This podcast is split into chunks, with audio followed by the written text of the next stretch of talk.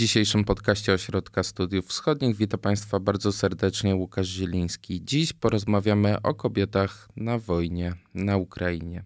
Ze mną jest Jadwiga Rogorza. Dzień dobry. Dzień dobry. To jest podcast Ośrodka Studiów Wschodnich.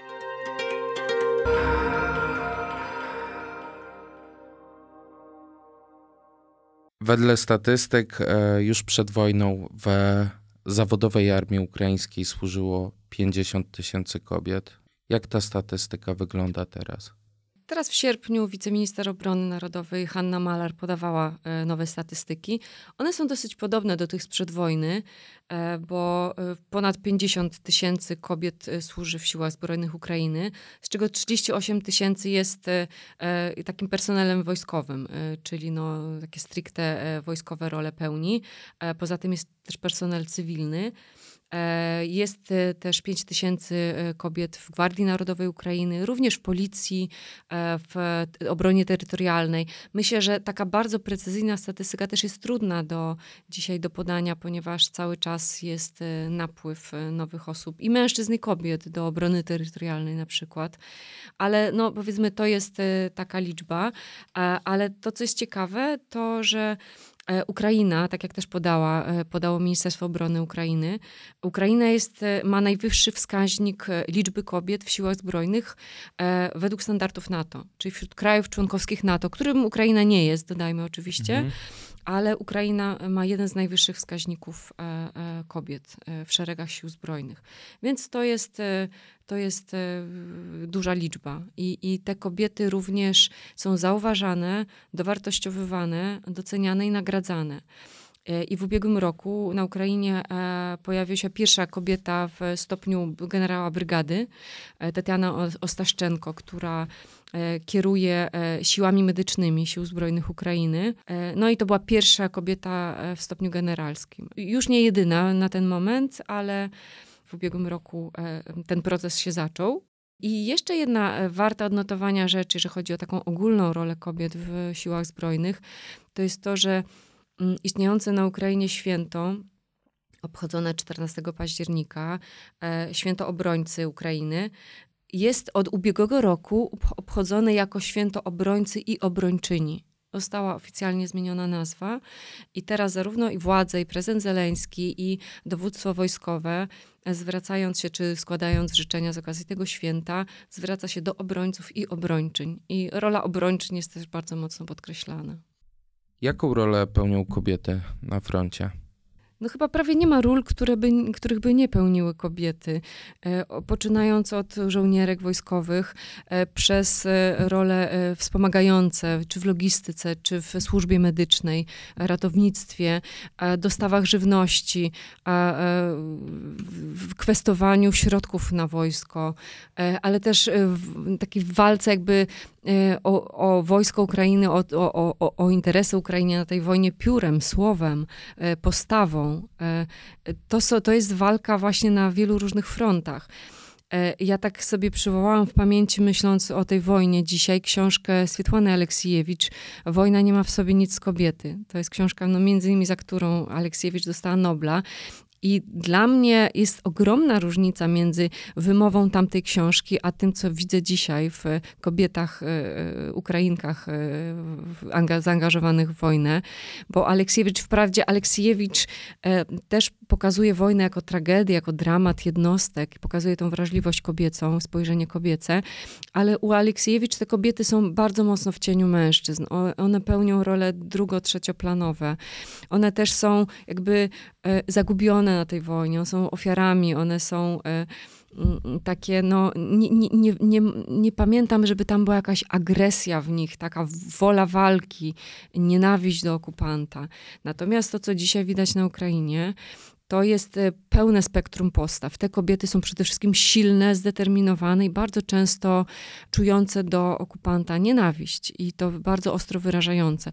Więc to jest oprócz takiej wrażliwości i faktycznie cierpienia, które, którego jest bardzo wiele na Ukrainie, jest bardzo dużo takiej siły, agresji, twardości i e, wyrażanej w naprawdę radykalny sposób, e, przez kobiety również. I to nie tylko w społeczeństwie przez... też Prawda? Można, tak. tu, można tu przywołać na początku wojny te strącenie słoikiem z pomidorami przez e, cywilkę drona, prawda, w Kijowie. Tak, oczywiście te kobiety walczą na wszelkie możliwe sposoby. Znaczy je napędza nienawiść do okupanta, więc one się łapią wszelkich możliwych sposobów. Czy, y, tak jak na początku też wojny widzieliśmy, krzyczą w twarz tym okupantom, którzy przyjeżdżają, nie boją, nie boją się bezbronne wychodzić naprzeciwko uzbrojonych żołnierzy, wykrzykiwać im w twarz, że to jest ukraińska ziemia, że są najeźdźcami i że mają się zabierać, aż po, y, y, aż po dzisiejsze różne, bardziej profesjonalne już teraz przejawy walki, tak? Dlatego, że armia ukraińska e, bardzo szybko się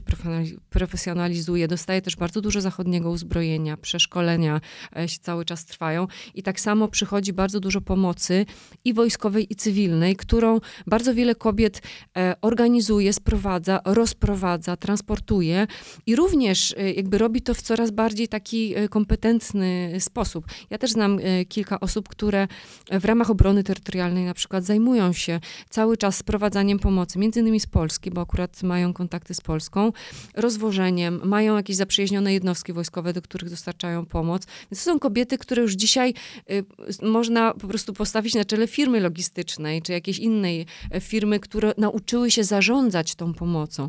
Nie tylko mają czysty odruch serca, ale też potrafią zorganizować i dostarczyć bardzo konkretną, wymierną pomoc. To może Przejdźmy do przykładów e, tych kobiet właśnie, które najbardziej jakby wyróżniają się na froncie, prawda? Z tych takich różnych zakresów e, pomocy w prowadzeniu tej wojny. E, tak, już e, powiedziałam o Tetianie Ostaszczenko, która właśnie jest najwyższą stopniem e, wojskowym kobietą w siłach zbrojnych Ukrainy.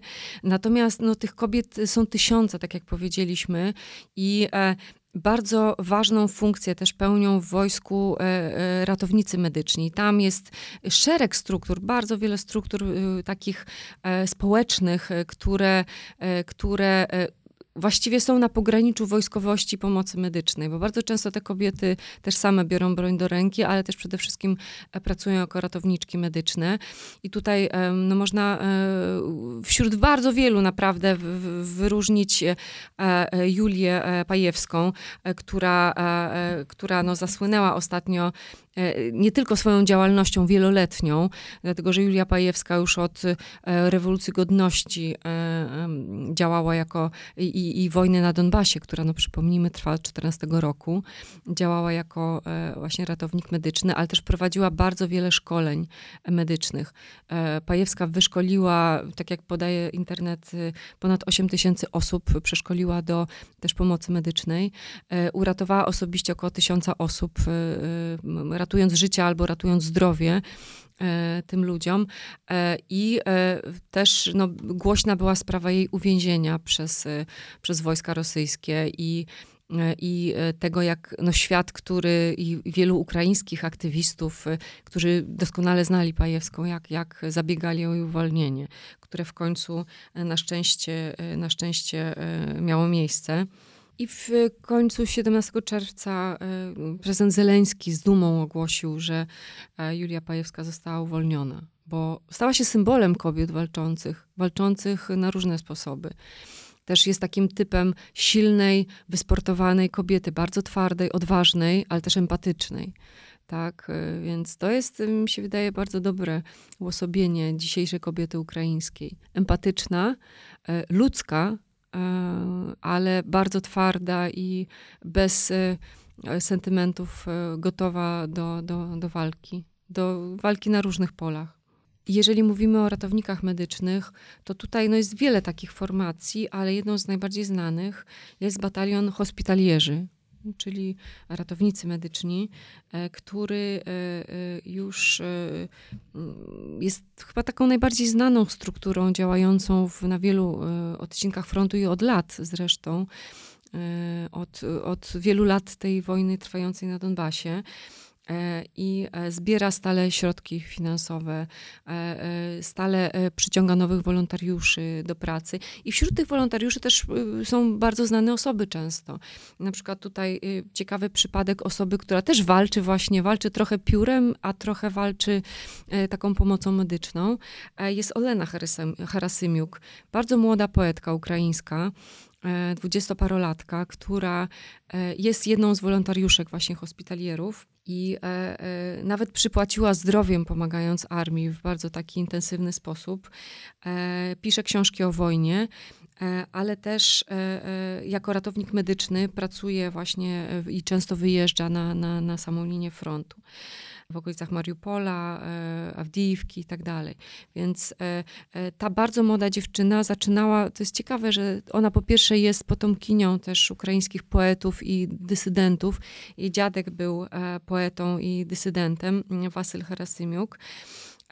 I sama też pisze poezję w bardzo młodym wieku, a jako nastolatka zaczynała jakby swoją aktywność taką polityczno-społeczną na Majdanie. Mm, w czasach rewolucji godności.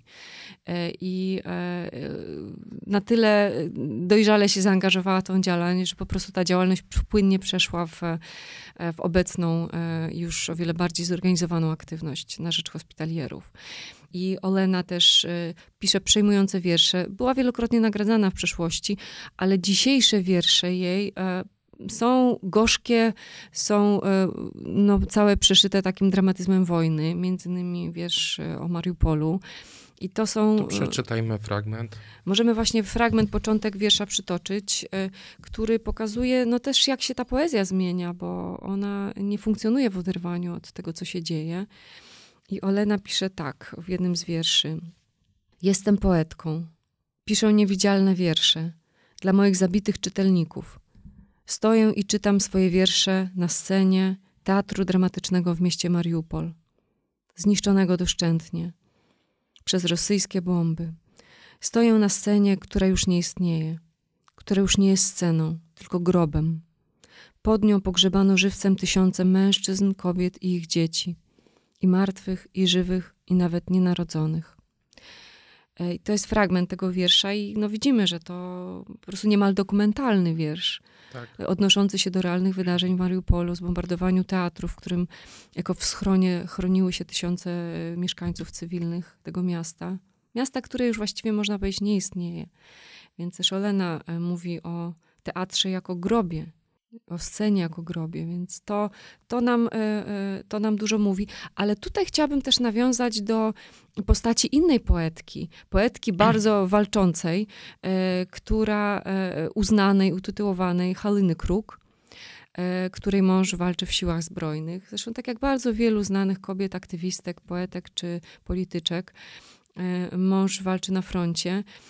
Halina Kruk bardzo utalentowana poetka, też autorka książek dla dzieci, subtelna kobieta. Dzisiaj e, też zajmuje postawę bardzo twardą, bardzo taką niesentymentalną, właśnie bym powiedziała, e, radykalną, nieprzejednaną wobec Rosji.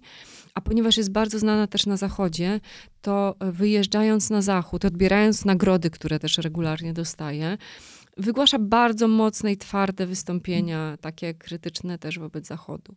I je, jej wystąpienie w Berlinie które e, niedawno wygłosiła, no było takim e, oskarż aktem oskarżenia trochę wobec Zachodu, który po 14 roku zbagatelizował to, co się działo na Ukrainie, wolał e, zamknąć oczy i, i też wolał ten świat kultury zwłaszcza oddzielać bardzo mocno te rosyjskie zbrodnie, czy wręcz bestialstwa wcześniejsze, od tej wielkiej rosyjskiej kultury, od tej wyrafinowanej literatury, poezji, tak? To było takie bardzo mocne oddzielanie. Wręcz takie mm, quasi-pacyfistyczne jakieś e, postawy, które Ukraińcom nakazywały bycie ponad to, bycie ponad ten konflikt. I Halina też przytacza wielokrotnie słyszane takie skierowane do niej słowa wcześniej, że no, czy wy nie możecie Ukraińcy być ponadto, czy nie możecie po prostu nie strzelać w odpowiedzi, tak? Czyli to takie środowiska kultury e europejskie jakby były takimi pięknoduchami, które żyją na innym świecie, podczas gdy ona, poetka, twardo i e, bardzo pragmatycznie mówi o konieczności obrony swojego kraju na wszelkie możliwe sposoby. E, mówi o tym, że Ukraina jest częścią Europy. E, mówi o, o tym, że nie, nie może Europa być schronieniem dla tak zwanych dobrych Rosjan, którzy mhm. sobie e, snują jakieś poetyckie wizje, podczas gdy Ukraina po prostu jest, jest pod przedmiotem agresji. I przede wszystkim atakuje to takie rosjocentryczne spojrzenie Zachodu, które, które przez wiele lat istniało, które teraz chyba ulega zmianie. E, natomiast no właśnie też ona mówi o tym, że czas dla poezji się skończył. I to mówi y, dobra poetka, że to już nie ma miejsca dzisiaj na poezję, że jej poezja się przeradza w modlitwę, e, w relację świadka zbrodni, przeradza się w lament albo przeradza się w przekleństwo. I że to jest jej poezja. I to wystąpienie, które wygłosiła w Berlinie, e, było mocne, ale kończyło się bardzo radykalnie, dlatego że Halina na koniec powiedziała w swoim ostatnim zdaniu, powiedziała słowa: Bardzo żałuję, że poezja nie może zabijać. Mhm. I to myślę, że to, to jest bardzo mocny taki um, cios, myślę nawet w, w świadomość europejską, która no, nie jest przygotowana na takie słowa. Niemniej jednak mówi to kobieta z kraju, który no, jest przedmiotem e, e brutalnej agresji. Przejdźmy do bliskich e, współpracownic prezydenta Zełęńskiego. Jedna do niedawna, Iryna Wenedyktowa, to była pani prokurator generalna, tak? Tak, tak. Pani prokurator generalna. No i jej niedawna... działania też miały dość mocne znaczenie w przebiegu wojny. Przede wszystkim prokuratury generalnej, która w czasie wojny była strukturą zbierającą dowody zbrodni rosyjskich. I Ukraina od, od miesięcy apeluje i na Zachodzie o utworzenie Trybunału takiego wojennego dla Rosji, dla sądzenia po zakończeniu wojny zbrodni rosyjskich. Dlatego wszelkie zbieranie właśnie wszelkich dowodów tych zbrodni bestialstw jest bardzo ważne. E, I prokuratura generalna była tym głównym organem państwowym, które e, te dowody zbiera. Oczywiście te dowody dostarczają wszyscy, od wojskowych poczynając przez, przez e, zwykłych mieszkańców wszyscy świadkowie tych zbrodni, więc, więc Wenedyktowa w pewnym sensie symbolizowała taką twarzą tej struktury. I to jest też ciekawe, że polityczki ukraińskie, których jest wiele, e, one też się zmieniły e, w czasie wojny. W ogóle tak jak zmienili się wszyscy, tak jak prezydent Zeleński dzisiaj no, w ogóle nie występuje w garniturach, tylko cały czas w takim jakby quasi e, wojskowym stroju, czy, czy w takich kolorach wojskowych, to tak samo te kobiety zmieniły wcześniejsze garsonki, czy nawet ten mundur prokuratora, na takie też stroje przypominające jakieś y, maskujące stroje wojskowe czy, czy mundury. I Wenedyktowa, czy inna e, pani wicepremier e, Iryna Wereszczuk, e, one dzisiaj i wyglądają inaczej i mówią w ogóle innym głosem. Zmieni, zmienił się ich sposób bycia, zachowania. No właśnie ten ton, ton głosu się zmienił. Wyraz twarzy. To już nie są, jak znajdziemy zdjęcia tych kobiet sprzed wojny, E, występujących na jakichś tam, czy konferencjach, czy jakichś wydarzeniach publicznych, no to to są inne osoby. Tak samo jak no, no, no w ogóle wielu Ukraińców się kompletnie zmieniło teraz, to również e, urzędnicy, e, którzy przed wojną mieli różne, powiedzmy, ścieżki kariery i też byli często krytykowani, czy byli jakimiś tam bohaterami skandali. Dzisiaj, dzisiaj zachowują się zupełnie inaczej, dzisiaj wyglądają inaczej, mówią właśnie innym głosem. E, I, no, Iryna e, e, Wereszczuk to jest w ogóle też ciekawa postać, bo, bo z Polską dosyć mocno związana. Ona się urodziła na pograniczu polsko-ukraińskim w Rawie Ruskiej i też w Polsce skończyła studium Europy Wschodniej, akurat naszemu ośrodkowi dosyć bliskie. E, ukończyła też KSAP e, w Warszawie, e, zajmując się tematami samorządów, reformy samorządowej polskiej i ewentualnymi jakby lekcjami tej reformy dla Ukrainy. A więc no to, to taki fajny pomost między sprawami polskimi i ukraińskimi. E, I Iryna Wereszczuk jest dzisiaj taką humanitarną twarzą rządu, e, ponieważ to ona była, szczególnie w pierwszych miesiącach wojny, główną koordynatorką tworzenia korytarzy humanitarnych e, i wywożenia ludności cywilnej z terenów okupowanych albo terenów pod ostrzałem, terenów objętych walkami. Była wielokrotnie, znaczy widać było, że też po ludzku, tak jak no wielu urzędników przeżywa to, że to, że te e, korytarze wojskowe, które Rosjanie mieli otwierać e, i umożliwiać e, ewakuację ludności cywilnej, następnie były ostrzeliwane. Rosjanie łamali wielokrotnie te porozumienia, więc generalnie no, była to bardzo ciężka misja, często zakończona niepowodzeniem, ale no, Wereszczuk właśnie jest pamiętana dzisiaj głównie ze względu na, na te działania. To mówiąc jakby o ważnych takich kobietach symbolach e, w tej wojnie, warto też wspomnieć o Ołenie Zełańskiej. E, tak, i Olena Zeleńska to też jest ciekawy przykład osoby, no nie najważniejszej oczywiście kobiety na wojnie, chociaż w pewnym sensie pierwszej, tak, bo pierwszej damy. Ale to jest ciekawy przykład, jak e, następuje ewolucja osób wcześniej zupełnie niezaangażowanych, przebywających w cieniu, jak następuje ewolucja tych osób pod wpływem wojny. Zresztą prezydent Zeleński również jest przykładem takiej ewolucji. Ale sama Olena Zeleńska to była osoba, która y, bardzo rzadko udzielała się publicznie. Właściwie to y, musiała wyjść z tej, z tej prywatny, z prywatnego życia dopiero jak y, jej mąż został prezydentem. E, e, to jest osoba rosyjskojęzyczna z domu, więc dzisiaj widzimy, że no, przeszła też długą drogę, bo występuje po ukraińsku i bardzo często też musi pełnić role publiczne, też role takiej mm, no, obrończyni e, takich politycznych, powiedzmy, ukraińskich interesów. Trochę w, w lipcu tego roku Zeleńska udała się z wizytą do Stanów Zjednoczonych, właściwie trochę w zastępstwie męża ponieważ no, prezydent Zeleński nie opuszcza Ukrainy, e, więc e, e, Olena Zeleńska udała się z wizytą do Stanów Zjednoczonych. Miała wystąpienie w kongresie. Mm, w ogóle podkreśla się, że była pierwszą damą z innego kraju w historii, całej historii Stanów Zjednoczonych, które przemawiała kongre przed kongresem. Była też przyjęta przez polityków, przez prezydenta Bidena jego małżonkę bardzo dużo mówiła w sposób taki bardzo dobitny i niekoniecznie taki miękki, emocjonalny, tylko bardzo dobitny sposób mówiła o ofiarach e, cywilnych, apelując e, jednocześnie w, w tym samym wystąpieniu o przekazywanie Ukrainie ciężkiego uzbrojenia. Więc, e, więc to, to, to jest taki wspólny refren, który słychać w wypowiedziach wielu kobiet. Z jednej strony dowody zbrodni rosyjskich i przerażające koszty e, humanitarne, ludzkie, ale z drugiej strony cały czas domaganie się czy zamknięcia nieba, czy przekazywania ciężkiego uzbrojenia. E, zresztą Olena Zeleńska też, e, tak jak wiele, wiele znanych kobiet, działa na różnych, wykorzystuje różne kanały docierania do społeczności międzynarodowej. Zwłaszcza do tej, która na przykład wcześniej nie była zainteresowana takimi sprawami jak wojny czy konflikty. E, dużym echem odbiło się jej, odbił się jej wywiad dla amerykańskiego Vogue'a, dla pisma Vogue, gdzie też sesja zdjęciowa, którą wykonała Ann Leibowitz, y, słynna fotografka, też wzbudziła duże emocje, ponieważ tam Zeleńska występuje w takich dosyć męskich strojach, y, mm, y, bez uśmiechu, też w towarzystwie wojskowych kobiet jest na zdjęciach, ale, ale też jest jedno takie zdjęcie, gdzie ona siedzi na schodach, tak troszkę z rozstawionymi nogami w takiej męskiej pozie, e, z taką surową twarzą.